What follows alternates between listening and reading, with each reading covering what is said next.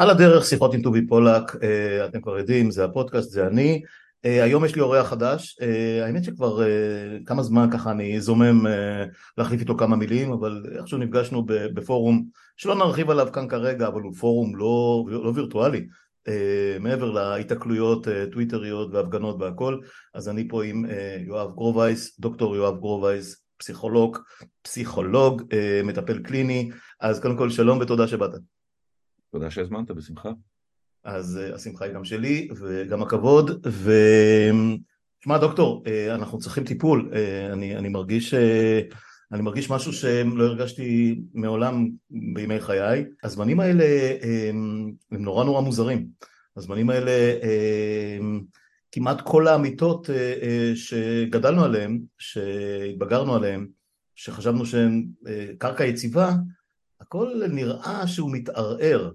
אה, אז אני אשאל אותך שאלה ככה, שאלה אחת, ואני אשמח לתשובה אחת, אה, האם מה שאני אה, מרגיש עליי, על עצמי, על המשפחה, על החברים הקרובים, על הסביבה שהכרתי במשך כל החיים, האם זה משהו שהוא אוניברסלי, או לפחות אוניברסלי ברמה המקומית, אם אפשר להגיד דבר כזה? זה באמת משהו שקורה, או שזה רק בראש שלי? לא, לא, זה קורה לך, זה קורה לכולם. אה, ואני אגיד אה, יותר מזה, אני חושב שכל מי שלא אה, מספר לעצמו שהוא חווה את הדברים האלה כרגע, זה סוג האנשים שאני הכי דואג להם.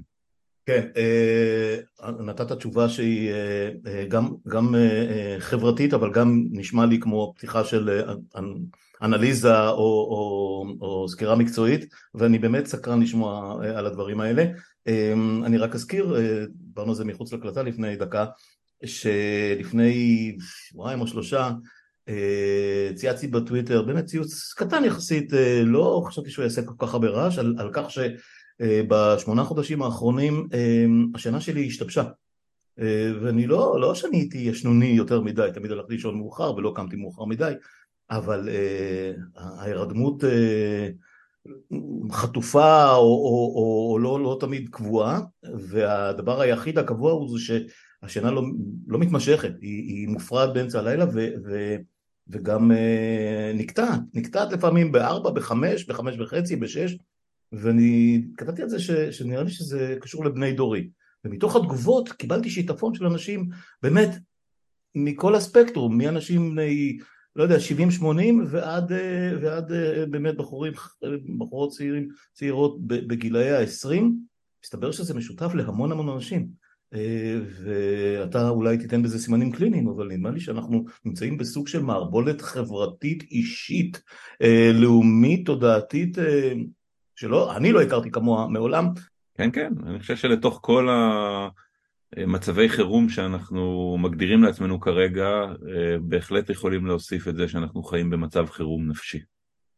זה מקיף, ושומעים על זה אה, עם, עם כל מי שאתה מדבר איתו, אה, ניתן את זה כאיזה אנקדוטה עכשיו, אנחנו ביחד עם קולגות הרצנו בשבועות האחרונים מחקר רחב היקף על ההשפעות הנפשיות של התקופה, גם בקרב מי שתומך בהפיכה וגם בקרב מי שמתנגד לה.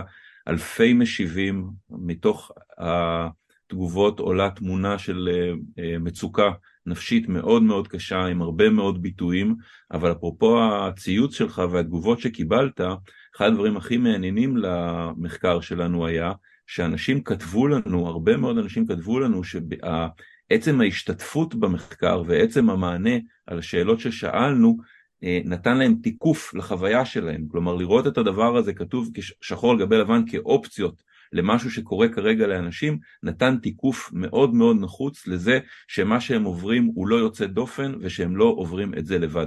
כן, אני חייב להסכים עם, ה... עם התשובה הזאת שלך בלי שהייתי חלק מהמחקר, אבל אתה יודע, אנחנו כל אחד עושה לעצמו לפעמים שאלונים קצרים בטוויטר או בפייסבוק או איפה שאנשים אה, נפגשים בימים הטרופים האלה, ויותר מכל דבר אחר הם רוצים להרגיש שבניגוד לתחושה הפיזית, בחוויה הקולקטיבית הם לא לבד, וזה, וזה בעצם מה שקיבלתי הוכחה לזה בשטף התשובות והתגובות לציוץ ההוא. זהו, אוקיי, אנחנו, נראה לי שיש לנו הרבה על מה לדבר, אתה יודע מה, יכול להיות שזה רק פרק ראשון מתוך כמה, לך תדע, אה, מה שכמובן קורה בפודקאסט הזה בלי סוף.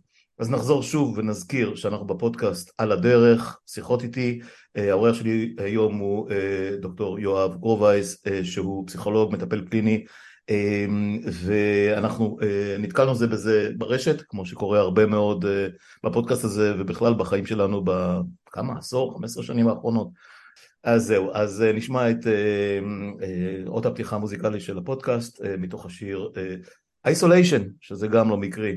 אז נשמע את קטע הפתיחה ונחזור לשיחה מלאה עם יואב.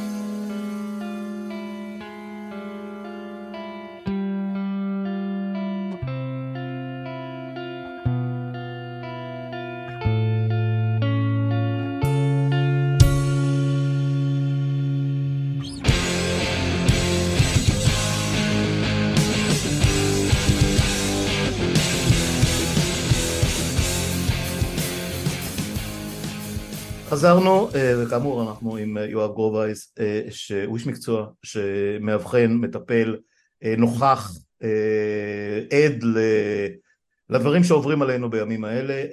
תשמע, לא נולדת, לא נולדת אתמול ולא התחלת את הקריירה המקצועית שלך כפסיכולוג לפני שמונה או תשעה חודשים, אבל אתה חי בתוך, אתה, כולנו, אבל אתה כאיש מקצוע, אתה חי בתוך בתוך תקופה שיום אחד יעשו עליהם מחקרים רציניים מאוד, אם אני, אם אני מזהה נכון את הטרנד, לפחות מהצד שלי כעיתונאי, כ, כמתעד, אני מרגיש שאנחנו אה, אה, כותבים וחווים את ההיסטוריה בו זמנית.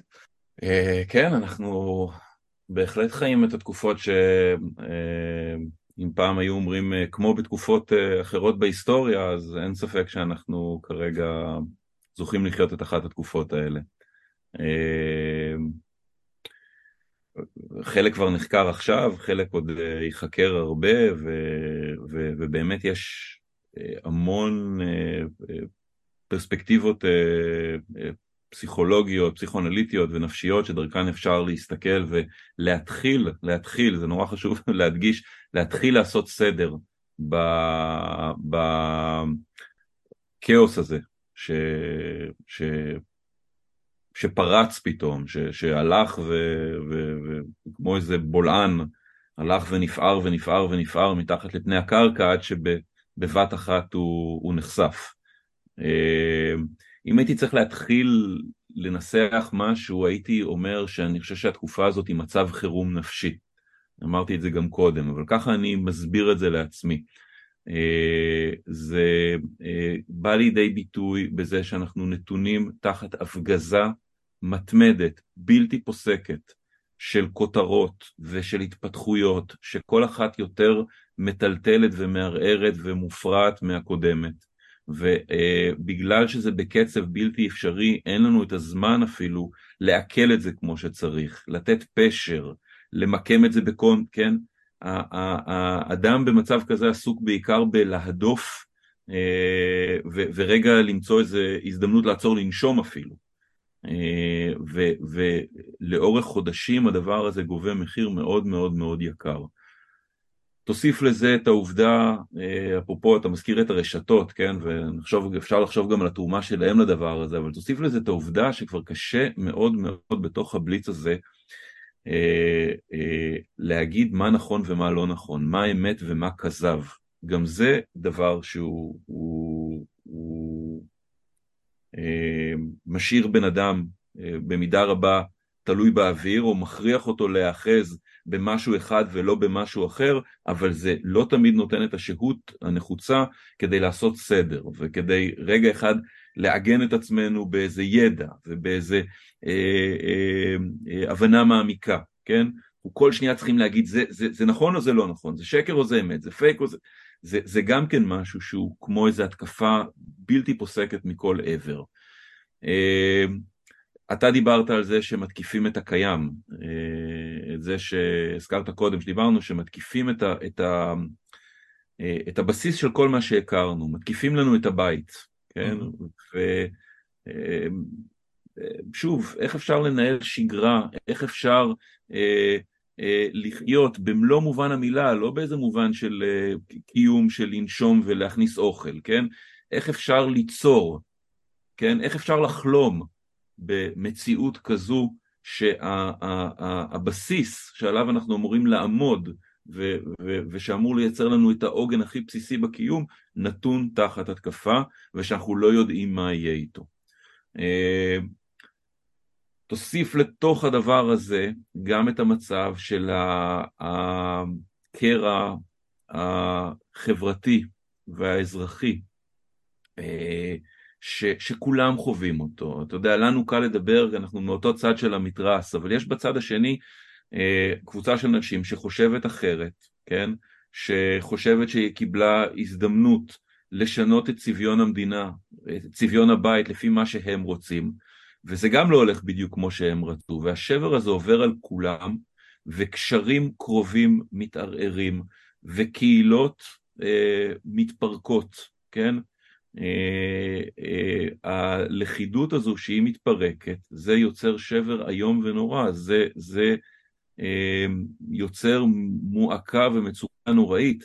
לא סתם תגובת הנגד, כן, היא ההיווצרות של הרבה מאוד קהילות חדשות. לא סתם תגובת הנגד היא איזה מפץ גדול של ארגוני מחאה, מעל 200 ארגונים, ו- ו- ואני לא יודע אפילו אם המספר הזה מעודכן, כן? וקבוצות הוואטסאפ שהזכרת, וכל אה, אה, צורות ההתקשרות, הם הניסיון שלנו לא להיות לבד עם הדבר הזה. ליצור לעצמנו מחדש לכידות בכל מיני מקומות שהיא עבדה לנו, כן? הזהות שלנו נמצאת תחת מתקפה. אה, מה זה אומר להיות ישראלי, מה זה אומר להיות יהודי, מה זה אומר שאתה מסתובב ככה בעולם. אפילו אפשר להסתכל, אני אתן את זה רק כאיזה דוגמה, על העניין של המילואים, כן? על, על האנשים שמפסיקים את ההתנדבות שלהם למילואים. הרבה מאוד זה אנשים ששירות המילואים שלהם הוא חלק מאוד מאוד מרכזי בזהות שלהם. אם אתה טייס, אתה טייס, אם אתה מטכליסט, אתה מטכליסט, ואתה עושה את המילואים, אה, כשהדבר הזה הוא חלק ממי שאתה, ופתאום להגיד אני מפסיק עם הדבר הזה, זה לא רק עמדה ערכית ולא רק מעשה, זה גם אומר שאתה באותו רגע נפרד, כן, מחלק מהותי ממי שאתה. כן, אה, אני ידעתי שנגיע גם לצבא, אבל תכף, תכף נרחיב אולי כן. בעניין הזה, כן, זה די, די צפוי. אה, אני, אני אלך חצי צעד אחורה, ואני אגיד אה, משהו על ה... גם, גם אה, ב... באותו מתרס, חברים קרובים שחושבים בדיוק כמונו, אה, חלק לצורך העניין חיים קרובים לפה, זה יכול להיות רעננה, זה יכול להיות תל אביב, זה יכול להיות, כאילו, אני בהוד השרון, אז בפריפריה הזאת של רבע שעה עשרים דקות נסיעה בשבתות, כן, לא, לא, לא בפקקים, שהיינו נפגשים בתדירות כזאת או אחרת, ואחרים שגרים יותר רחוק, אם, אם זה צפוניים, אם זה מודיעין, אם זה מה שזה לא יהיה, ונדמה שככל שהתקופה הזאת נמשכת, אנחנו יותר נפגשים אה, בקבוצות הוואטסאפ ובהפגנות, אם מזדמן ואם מצליחים לאתר אחד את השני, מאשר פיזית. שזה, mm-hmm. שזה, קטע, שזה קטע מדהים, פתאום אנשים אומרים לי, אה, שולחים לי פתאום איזה הודעה, או מתגעגעים, מתי נפגשים? אז uh, לרגע אחד אתה אומר, רגע, נפגשנו, אבל, אבל זה היה בהפגנה, זה היה באירוע, באירוע כלשהו שקשור במצב. המארג החברתי, גם בתוך הקהילות עצמן, גם בתוך האנשים שחושבים דומה או זהה, הולך ונפרם, כי גם כמות, תחשוב על זה, מתי יצאנו לבלות? מי מאיתנו יצא לבלות במוצאי שבת בשנה האחרונה? זה פשוט לא קורה כבר. האם זה באמת לכידות אמיתית? זאת אומרת, האם כל העשרות אלפים, לפעמים מאות אלפים, שמתכנסים כמו באיזה טקס כמעט דתי בשמונה תשעה חודשים האחרונים, בכיכרות, ברחובות, ב, ב, בכל אחד במקום שהוא מגיע אליו, האם אה, אה, זה מחזק אותנו, או שבעצם מכניס אותנו לסוג של נירוונה, שנדמה שאנחנו באמת עושים משהו, משנים משהו, אבל המציאות אה, לא ממש מתחשבת בזה, איך אתה רואה את זה? קודם כל, אני חושב ש... אה, התקשורת השוטפת הזו בקבוצות הוואטסאפ ובכל האמצעים האחרים היא, היא חלק מההתמודדות עם, ה, עם המצב, כן? אנחנו, אה, מאוד חשוב לדעת, ואני כאילו כל הזמן פוגש את זה מכל מיני אה, זוויות, מאוד מאוד חשוב לנו לדעת שאנחנו לא לבד, בתוך מה שאנחנו עוברים. לא רק לא לבד במובן הזה שמה שקורה עכשיו משפיע גם על החבר שלי או על השכן שלי או על הילדים שלי, אלא לדעת שאני לא לבד באיך שאני רואה ומבין את הדבר הזה, כן? שאני לא לבד באיך שאני מבין את המציאות. כן, אתה, על, על נגיד מפגינים ותיקים יותר, אתה הרבה פעמים יכול לשמוע את הכעס של איפה הייתם כש... למה לא באתם לפני שנתיים, ש... ואחד הדברים שאני חושב שיש שם זה הכעס על זה, על זה שלא ראיתם את הדברים כמו שאני ראיתי, ולא הבנתם כמו שאני הבנתי, ולכן לא יכולתם להיות שם לצידי אז. אה, ועכשיו, כשהדבר הזה הוא מתפוצץ כמו שהוא מתפוצץ, אנחנו מוקפים באנשים שרואים את הדברים כמונו ו- ומנתחים אותם כמונו ובאים מאותה תפיסה ערכית אל הדברים כמונו ו- ונורא נורא אתה פשוט רואה את, ה- את ההתבטאות הבלתי נמנעת של הצורך לא להיות לבד עם הדבר הזה, כן? לאריק אה, פרום יש ביטוי ש, שאני תמיד עולה בדעתי בהקשרים האלה שנקרא moral aloneness, דידות מוסרית, כן? והוא מדבר על זה שאדם, להיות לא להיות חלק מקבוצה שמחזיקה באותה אה, השקפה כמוך ו, ואותה תפיסה ערכית כמוך, אה, זה מייצר בדידות בלתי, בלתי נסבלת. וזה אה, הרבה יותר קשה מאשר להיות לבד, כן? לא בודד אלא לבד, אבל בידיעה שאתה חלק מ, מ, מ, מ, נגיד מערכת של אנשים שרואה את הדברים ומבינה אותם באותה צורה, בעיקר מהבחינה הערכית והמוסרית. לגבי המספרים, אה, או אתה יודע מה, אה, אני רוצה להגיד עוד משהו, האמצעי תקשורת האלה כמו הזום והוואטסאפ הם, הם, הם, כנראה איזשהו שלב באבולוציה תקשורת בין, בין בני אנוש.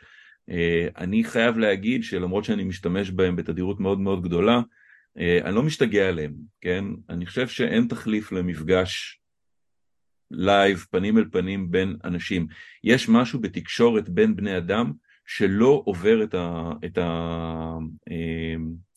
הפלטפורמות האלה, כן? יש איזושהי שפת גוף, יש כל מיני ניואנסים, יש דברים לא מודעים שקורים כשיושבים עם בן אדם באותו חדר או באותו מרחב וזה הולך לאיבוד, יש בזה משהו שהוא הולך כמו ברווז ונראה כמו ברווז ומגעגע כמו ברווז וזה לא לגמרי ברווז. אה, ואז יש לנו גם את ההפגנות, יש לנו את ההפגנות כאיזו הזדמנות באמת להיפגש, ואנשים ממש מדברים על זה במונחים של להיטען, להיטען באנרגיות. חד משמעית, כן, אני מסכים. אתה יודע את זה על עצמך, כן. אני יודע את זה על עצמי. זה, זה המונחים, היה, אתה יודע, אני מכיר כמה אנשים שלא יצא להם ללכת להפגנות בסוף שבוע האחרון שהיה לפני ביטול עילת הסבירות. והיה אז גם הפגנות סוערות וגם היה את הצעדה לירושלים, ו... יצא במקרה, יצא לי לדבר עם אנשים שהיו ואנשים שלא היו.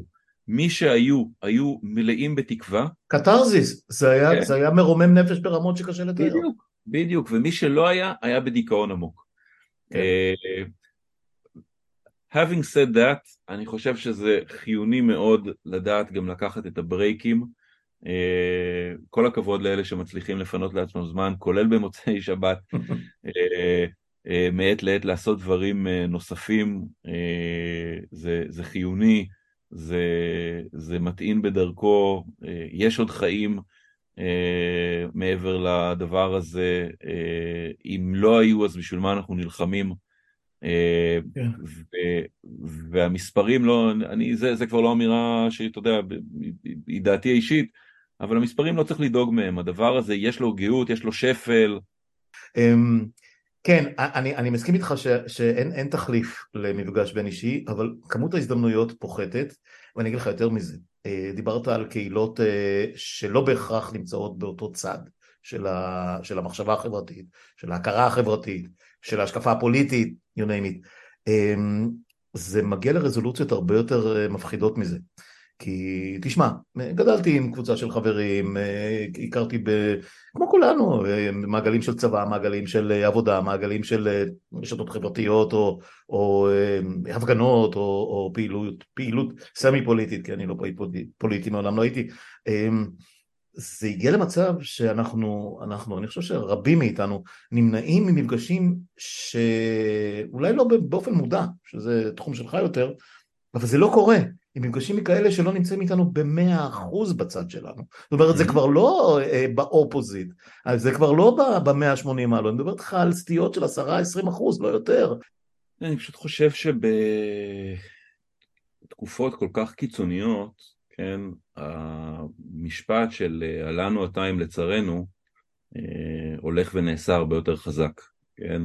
בתקופות uh, הרבה פחות קיצוניות של, של שגרה, של חיים נורמליים, ש, שאין התקפה כל הזמן uh, מבחוץ, uh, uh, ש, ש, על, על, על כל דרך החיים שלנו, שלא ברור אם נוכל להמשיך, אז אתה יכול להכיל uh, מורכבות, uh, יש לך את הלוקסוס להכיל מורכבות, uh, יש לך את uh, אורך הרוח, שלוות הנפש והיעדר החרדה, כן? כדי להיות מסוגל אה, אה, לשבת עם אנשים שמפרשים את המצב אחרת לגמרי, או שמתוקף אה, המבנה הנפשי שלהם אה, אה, אה, אוחזים באידיאולוגיה אחרת, כן? אה, וברגע כזה, ברגע כזה, לראות מישהו קרוב ככל שיהיה, אפילו בן משפחה או, או מישהו שבתקופה אחרת היה כמו אח, כן? אה, אה, אה, רואה את הדברים בצורה מספיק שונה ממך, אפילו לא צריך להיות בצד השני, על אחת כמה וכמה אם הוא בצד השני, זה נחווה כמו בגידה, כן? זה נחווה כמו בגידה. או לפחות חוסר סולידריות, כמו שאנחנו רואים את זה הרבה פעמים, זה לאנשים שאנחנו לא חושבים שהם בצד ההפוך, אני רק כן. מציין. יש כאן גם את העניין של איזה עמדה אדם מחזיק, ויש כאן את השאלה מה אדם עושה מתוך העמדה הזו, כן? עכשיו, אני חושב שאני יותר מפויס כלפי מי שעושים ומי שלא עושים, כן? אה, אלה שעוד על הגדר או נמנעים, זה לא שאני מבסוט מזה, אבל אני אה, חושב שב... זה קצת, זה קצת עניין של איזה מחיר אדם יכול להרשות לעצמו לשלם. לא במובן של ללכת ממקום, ה... לא, לא במובן של אני עובד במקום עבודה נגיד אה, ממשלתי או ממלכתי ואסור לי זה. זה, זה, זה ברור שזה לא מחזיק מים. אני מדבר על, אה, ו, וזה אגב אני, שוב אני אומר כ, כ, כ, כאזרח, לא, לא מתוך העבודה שלי. מכיר אנשים בכל מיני מקומות, אה, גופים ביטחוניים כאלה ואחרים, או מקומות ממשלתיים, שאו שהם כן מגיעים ופשוט עומדים בצד בשקט, או שכותבים לי דברים כמו, אתה יודע, חברים שכותבים מתים להגיע, לא יכולים, שתדע שאנחנו איתכם. אז זה לא, אבל אני מדבר על משהו אחר, אני מדבר על אנשים שמסיבה כזו או אחרת אולי, ושוב, לאו דווקא באופן מודע, חוששים לשלם את המחיר שמגיע עם אה, עשייה, עם התערבות, כן? אולי בראש ובראשונה, גם אם זה קצת סיסמה, המחיר הגדול שמגיע עם לאחוז בתקווה, כן? עם לפתח תקווה. כן, אה, לפני הקלטה אה, בשעות הבוקר ובימים האחרונים עברתי קצת על הדברים שכתבת ובאמת נתקלתי במאמר, דיברנו על זה קודם, אה, מחוץ להקלטה, מאמר שכתבת על הדיסוננס שבין תקווה לייאוש והבאת את הדוגמה של הסרט המיתולוגי כמעט חומות של תקווה וכתבת את המאמר הזה בסך הכל שבועיים אחרי, אחרי או לפחות הוא פורסם אחרי ה-1 בנובמבר הנורא ההוא שלפני שנה אה, ומה שנקרא אה, לא היה לנו שום מושג.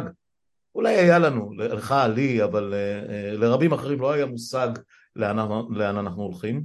נדמה לי שאפילו, אתה יודע, אני מתויג כרואה שחורות מקצועי ופסימיסט קליני, תקרא לזה שאתה רוצה אבל אני חושב שהנבואות הכי שחורות שלי לא הגיעו לממדי הטירוף כפי שאנחנו חווים אותו, אה, מה שנקרא as we speak. אה, בכל אופן, אה, התייחסת רבות לשאלה האם תקווה מחזקת אותנו או שהיא מצג שווא. אז, אז באמת, איפה תפקיד התקווה פה ואיך אנחנו מנווטים בין, בין התקווה לייאוש?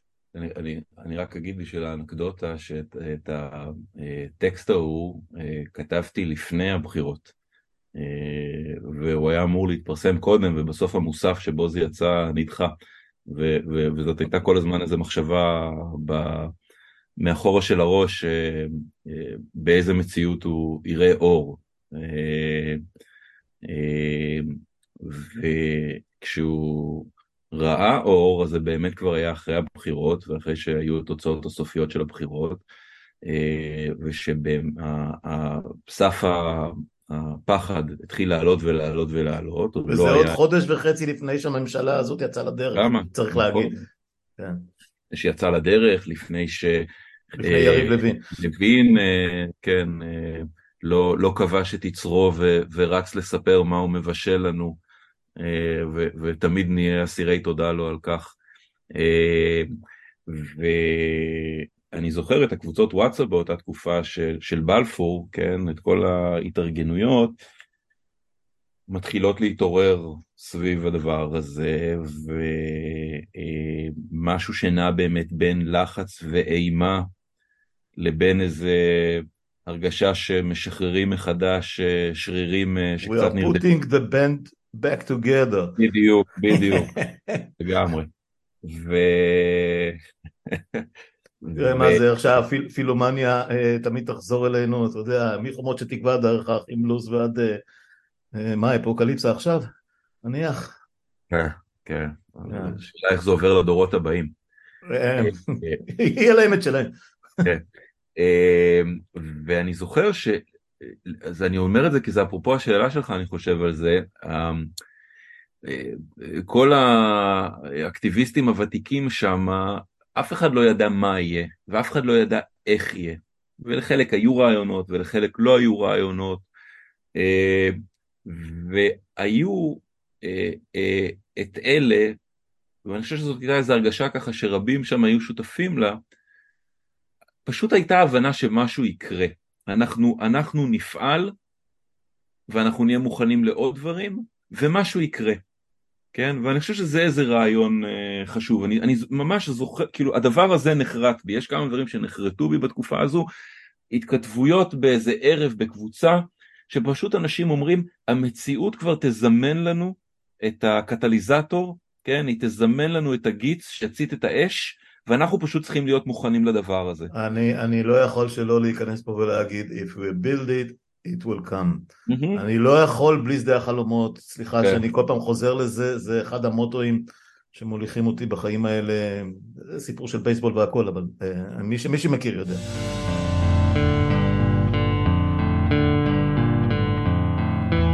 אז, אז באמת התחילו דברים להתעורר, אמ, ואיך איך אתה, אה, שוב, האם זה בא מתוך הייאוש, או מתוך התקווה, או מתוך אה, אה, התסכול של חייבים לעשות משהו?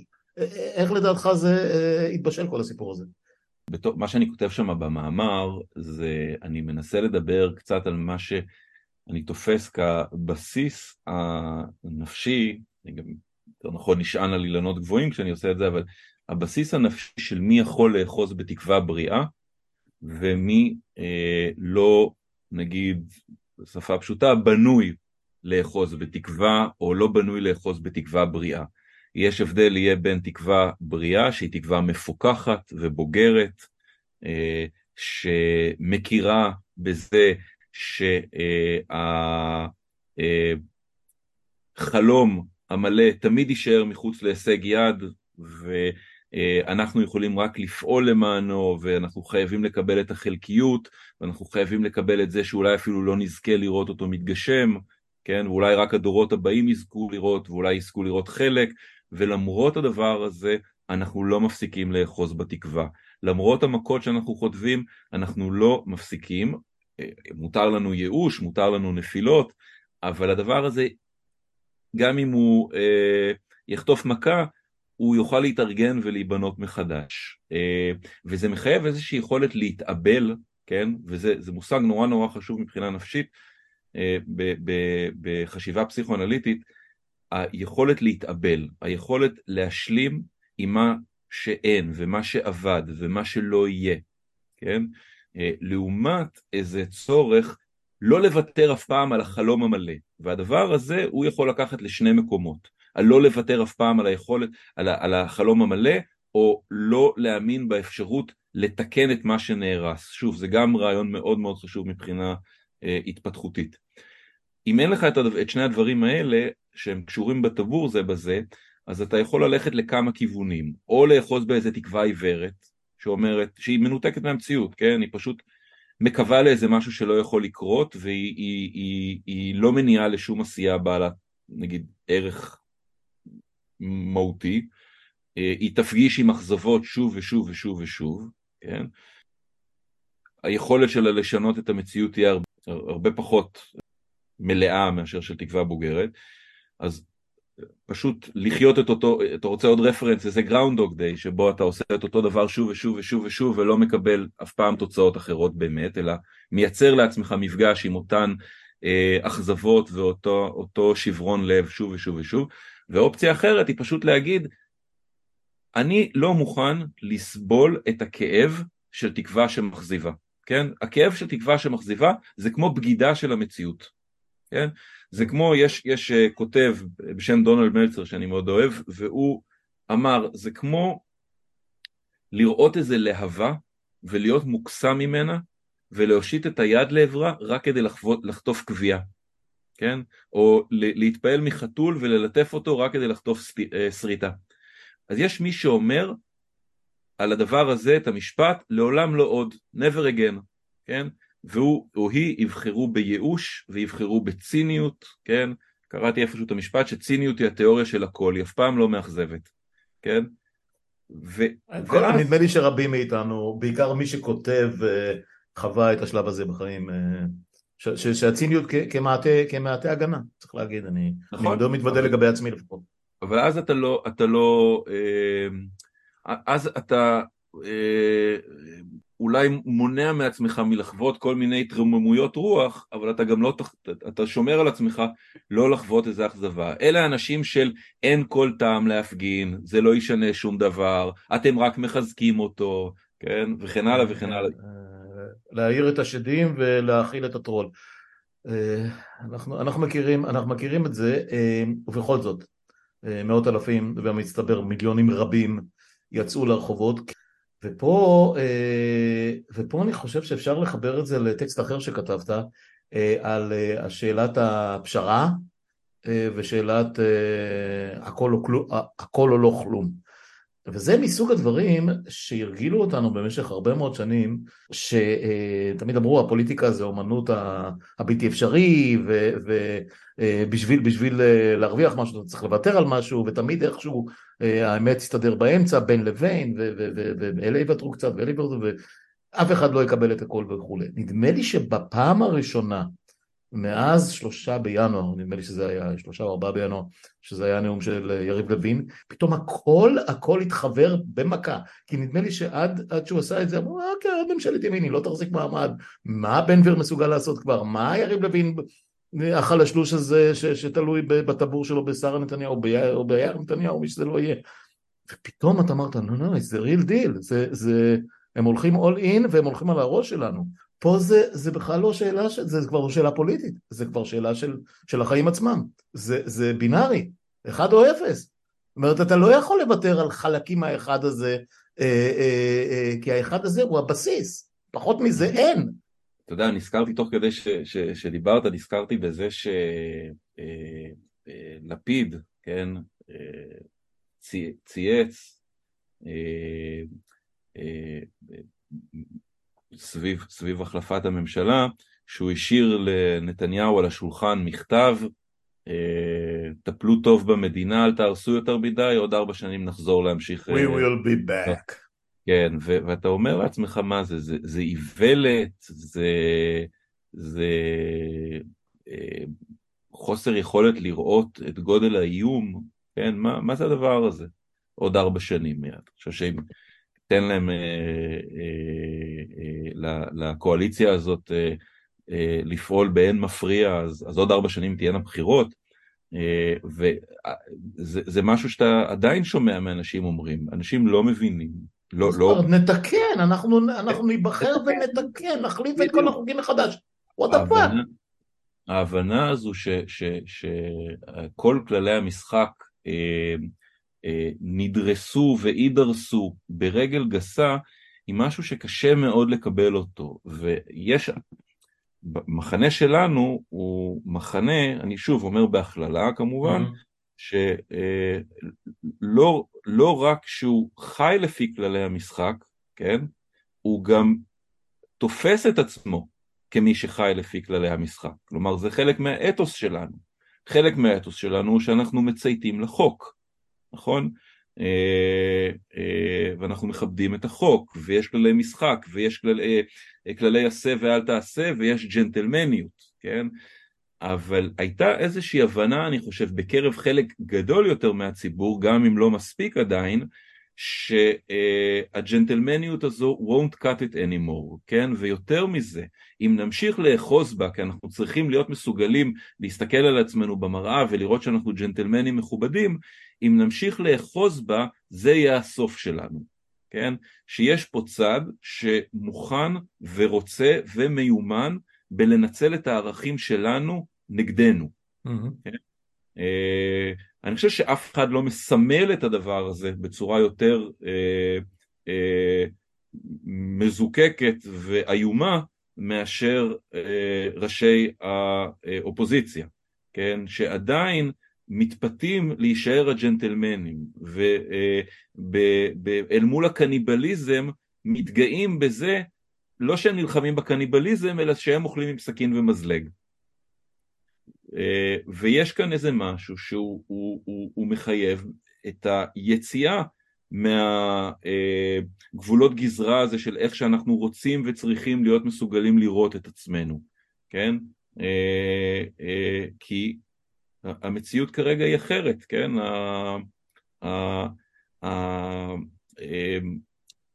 אתה יודע, יכול, היה איזה כנס לפני כמה חודשים, די בתחילת הסיפור הזה, כנס מקצועי שהוא הוא, הוא התקיים תחת הכותרת מחלוקת, כן, על, על, על חשיבה, חשיבה פסיכואנליטית על מחלוקות.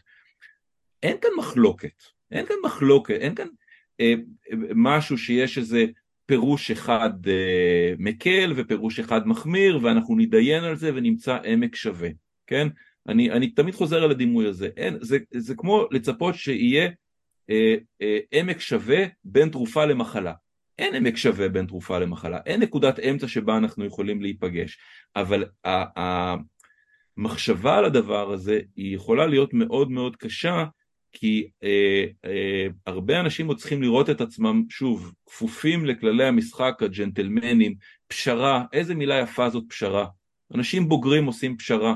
איזה מילה יפה זאת הידברות, נכון? אנשים שמסוגלים לתפוס מורכבות, הם מתדברים והם אה, אה, אה, אה, מוצאים איזה, כן, אבל זו התעלמות מוחלטת, כמעט, כמעט מחיקה מהמציאות של הקונטקסט ושל הפרטנר של הדבר הזה, נכון? האדם שברור לרגע שהוא אה, אין לו שום עניין לא בהידברות ולא בפשרה, אלא הוא מנצל את הערכים רק כדי לקדם עוד ועוד את, ה, את האינטרסים שלו, וזה, זה, אבל זה קשה נורא לצאת מהתבנית הזאת. כן, תוך, תוך כדי זה שתיארת את המצב הזה עכשיו אה, בצבעים מאוד מאוד חדים, לפחות אה, מה שנקרא בעיניי, אה, עלו בי שתי מחשבות. אחת, קודם כל זה משבר נטול ניואנסים. וזה מה שאנשים אה, אה, לא מסוגלים לקלוט, בעיניי לפחות, כי תמיד כשהיה הסיפור של מי הוא יהודי, ואל תטוס או לא תטוס בשבת, או בני ברק שישימו שם מחסום שפעם אחת הרג אנשים, ופעם אחרת הבינו שצריך לשים מחסום הרבה יותר רציני, ובכל זאת מכוניות לא ייסעו שם, ותחבורה ציבורית בשבת, ואלה ואחד דברים מהסמאר, זה ניואנסים. כן, אנחנו מכבדים את יום כיפור, אז אנחנו לא נתניע את המכונית ביום כיפור, אבל תניחו לנו בתשעה באב. אה, ופה זה, זה הניואנסים האלה מתו, אין, אין כבר, זה, זה, זה לגמרי all or nothing. אין פה לוותר, אין פה, אין פה מצב של אה, אה, שני הצדדים צריכים להרגיש מרוצים. מאיפה? איך אתה מאפיין את הדבר הזה? איך, איך אנשים כמו, שזה יהיה הרצוג, שזה יהיה גנץ, שזה יהיה לפיד, שזה יהיה אה, אה, אה, טרופר, שזה יהיה כל החבורה הזאת, מתן כהנא, whoever, איך הם מסבירים לעצמם את הדבר הזה? זה יכול להיות שהם באמת לא רואים את המציאות כפי שאנחנו רואים, לחלוטין, באפס מול מאה? כל אחד מהם צריך לשאול אותו, אה, אה, קל לנו לסמן אותם כאנשים, כי יש להם איזה תפקיד ואיזה... אה, אבל כל אחד מהם גם יש את האינטרסים שלהם, אז אני לא יודע, ומנית אנשים שחלקם גם כנראה היו חיים לגמרי בשלום עם הרפורמה, כן, אני יכול לחשוב על אחד או שניים שכנראה היו חיים לגמרי בשלום עם הרפורמה בכללותה, רק לא נוח להם, לא עושה להם נעים בבטן האופן הדורסני שבה מעבירים את זה, הם היו שמחים... חלקם אומרים את זה במילים ברורות, כן. בדיוק, כן. אני מרשה לעצמי להגיד את זה, אבל, כן. פשוט לא נוח להם עם הדרך. כן. אז זה לא שהם לא רואים את זה, אדם... אני רוצה לגבי הניואנסים רק להגיד, ישנם מלא מלא מלא מלא ניואנסים לסיפור הזה, כן? אבל זה בדיוק, זה בדיוק הסכנה, כן? אז אנחנו בשלב שבו אנחנו צריכים לקחת את כל הניואנסים האלה ולשים אותם בצד. אנחנו, שוב, זה אפרופו איזו הבחנה שעשיתי קודם, ב- בימים כתיקונם, כן? לניואנסים יש, יש, צריך להיות, אפשר לתת להם את כל הכבוד. בזמן חירום, במצב מלחמה, אין ניואנסים, כן? ב-fight or flight אין ניואנסים, כן? האדם שנלחם על חייו הוא לא עסוק כרגע ב, ב, ב, בדברים, ו, וזה בדיוק המקום איפה שגם ה, בניואנסים יכול להיעשות שימוש פרוורטי ממש אה, אה, כדי להכשיל את המאבק נגד ההפיכה. כי הוא גורם לך ללכת ולהיתקע בכל מיני התפלפלויות על העצים ולפספס את היער, נכון? אסור לפספס את היער, לכן הניואנסים כרגע הם, הם, הם משהו שצריך נורא נורא להיזהר מלהיכנס אליו, זה לא שאין ניואנסים כמו שהם מוקשים, כן? מצב חירום. עכשיו, זה מתקשר לעניין הזה של הכנעה או, או ניצחון והפחד מהדבר הזה. אה, יצא לי לתת על זה הרצאה לפני כמה חודשים באיזה כנס, אז היה לי שם איזו הזדמנות קצת לזקק איזושהי נקודת מבט אחת על הדבר הזה. אה, אה, אפרופו האנשים שאומרים אסור לנו להגיד הכנעה ואסור לנו להגיד הכרעה ואסור לשאוף לדבר הזה. לניצחון, כל ניצחון באשר הוא, יש מחיר, תמיד נלווה לניצחון מחיר. אנחנו אינטואיטיבית אה, חושבים על ניצחון כאיזה משהו טוב כן, הפסד רע, ניצחון טוב, וניצחון הופך להיות משהו שאינטואיטיבית הוא, הוא, הוא צריך לחגוג אותו ולשמוח בו. אבל אה, אם לוקחים חצי צעד לאחור, אז אפשר לראות שאין דבר כזה ניצחון שהוא רק ניצחון שמח, בשום דבר. לא בין ילדים במשחק ולא בספורט, כן? ובטח ובטח לא במלחמות אה, אה, אזרחיות או, או אחרות.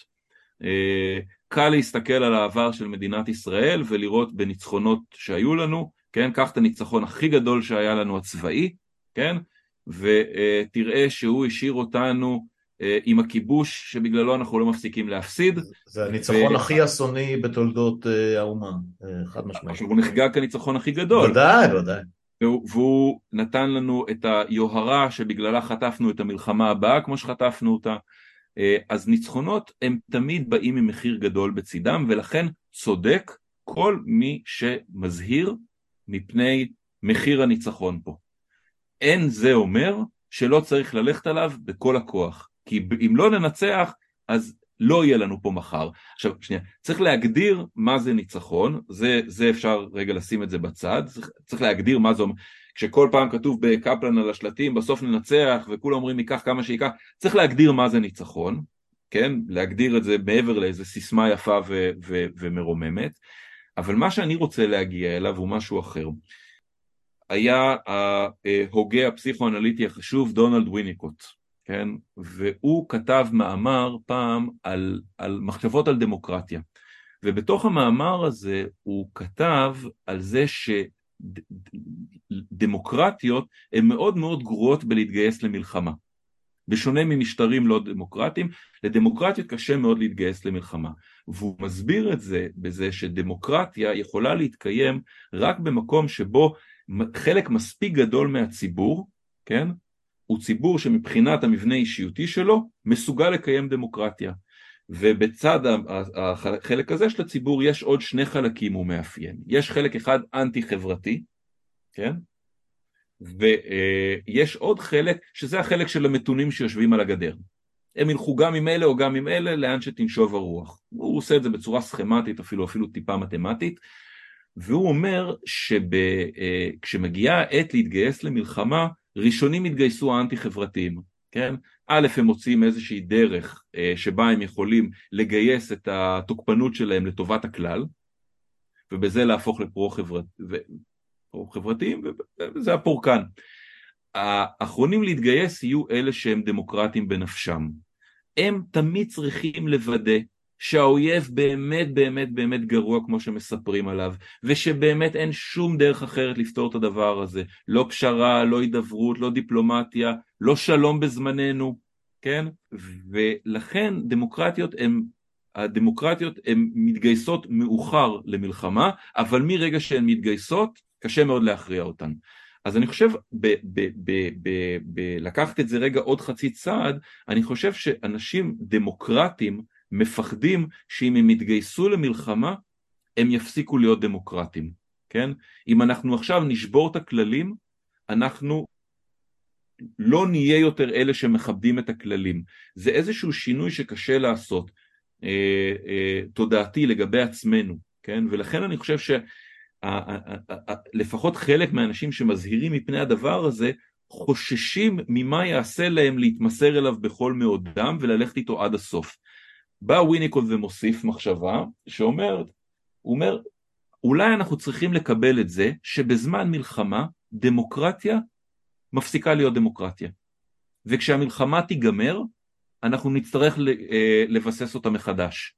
אז אני אומר את אותו דבר אני חושב מהבחינה הנפשית, אנחנו צריכים לקבל על עצמנו שאנחנו שמים רגע משהו בצד, איזושהי יכולת לתפיסה מורכבת, איזושהי יכולת להתייחס לניואנסים, את ההכרה החשובה במחיר הניצחון, כי אנחנו מבינים שאין לנו ברירה, אנחנו נחתור ל- ל- ל- להכריע את מי שקם על הדמוקרטיה, ואחרי זה נצטרך לבנות פה משהו חדש, וזה נורא, זה אני רק רוצה את זה לקשור לדבר שאתה אומר, איך אנחנו לא חוזרים לאיפה שהיינו קודם. הרי אם אנחנו נלחמים רק כדי לחזור לאיפה שהיינו קודם, אז אנחנו השמרנים האמיתיים בסיפור הזה, נכון? כן ולא, אתה יודע, זה שוב עניין של, אה, של תפיסת המציאות. אה, אה, אם תיקח את כמה מהקולניים ביותר במאבק הגדול של החודשים האלה, אחים לנשק, לא, לאו דווקא אחים לנשק פרסה, אלא אנשים שהם מחזיקים מעצמם לאומיים, הם מחזיקים מעצמם ביטחוניסטים, בלי קשר לאותה תנועה קיקיונית של, של, כן. של הימין אמ, וכן הלאה והלאה, כל הקונפורמיסטים למעניין, אוקיי?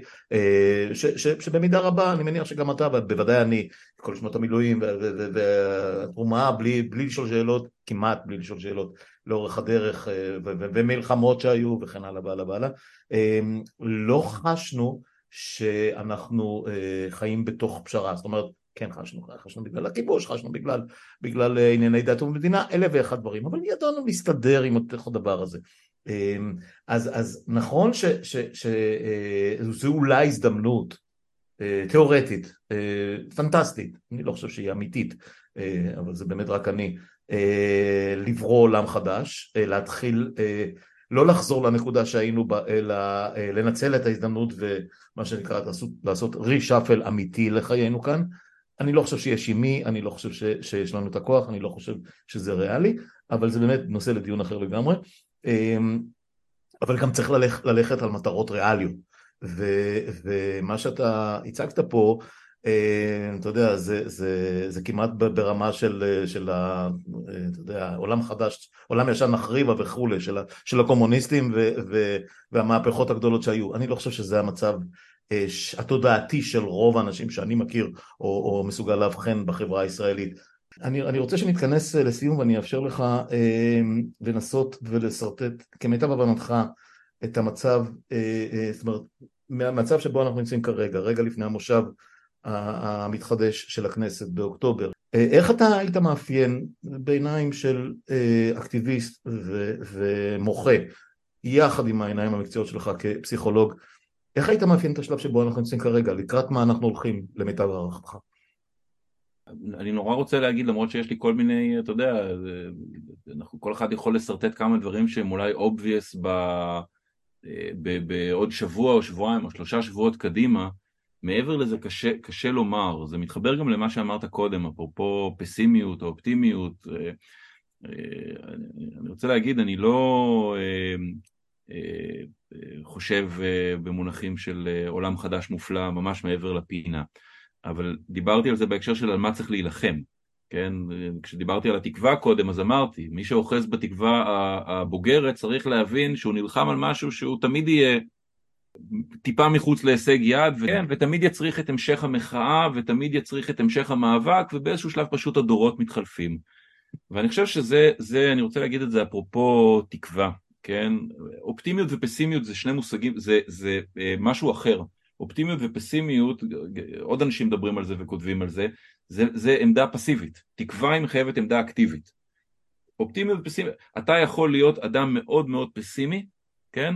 ועדיין כל העשייה שלך מלמדת על זה שאתה אוחז בתקווה, אחרת לא היית עושה. האשימו אותי גם בזה, זה בסדר.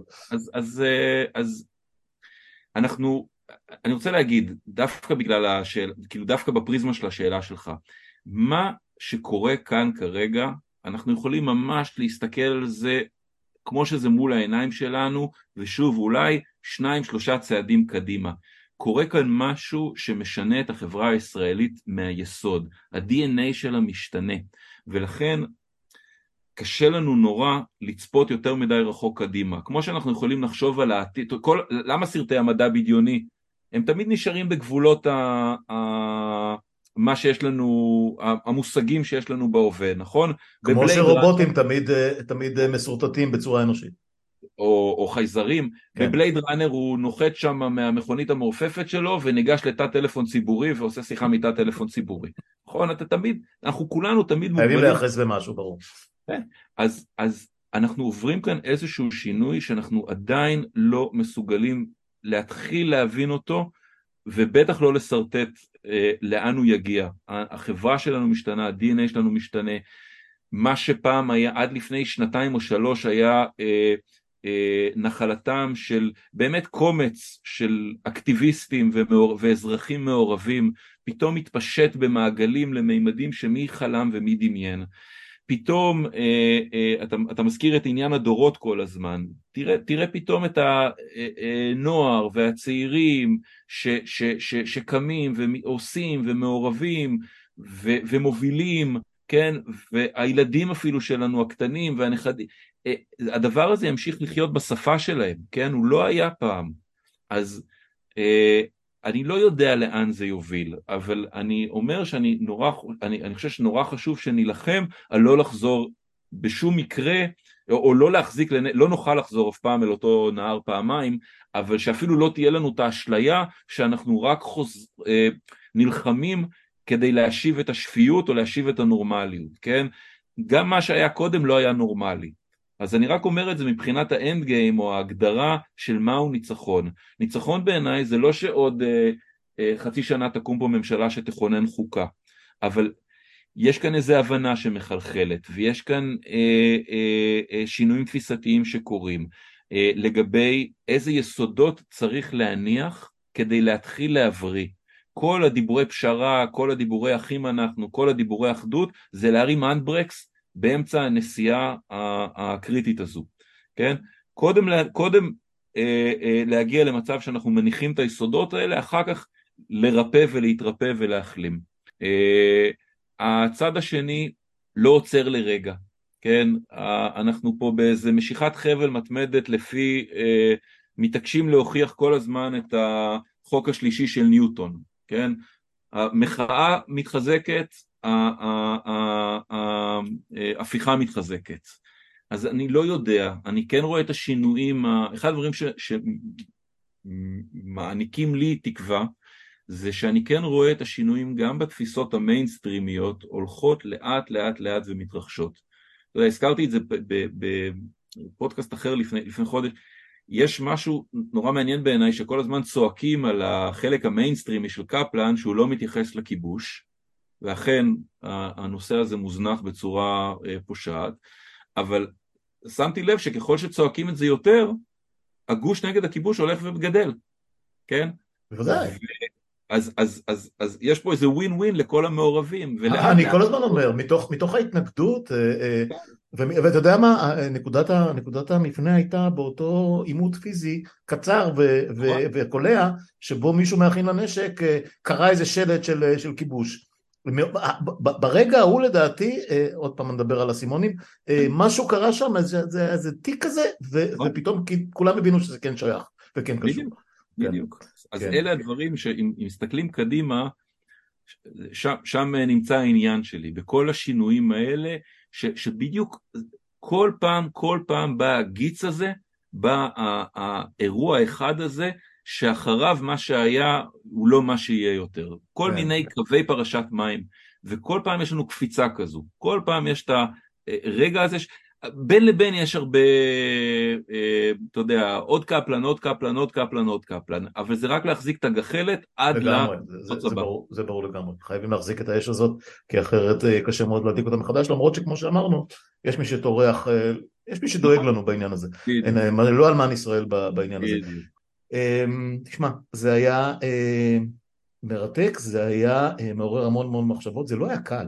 אני חייב להגיד לך, אה, כי אנחנו ניסינו ככה, אתה יודע, קצת אה, לגרד בתוך מוגלות ופצעים פתוחים, אה, ו, והתשובות לא, לא, לא חד משמעיות, הן לא מובנות מאליהן.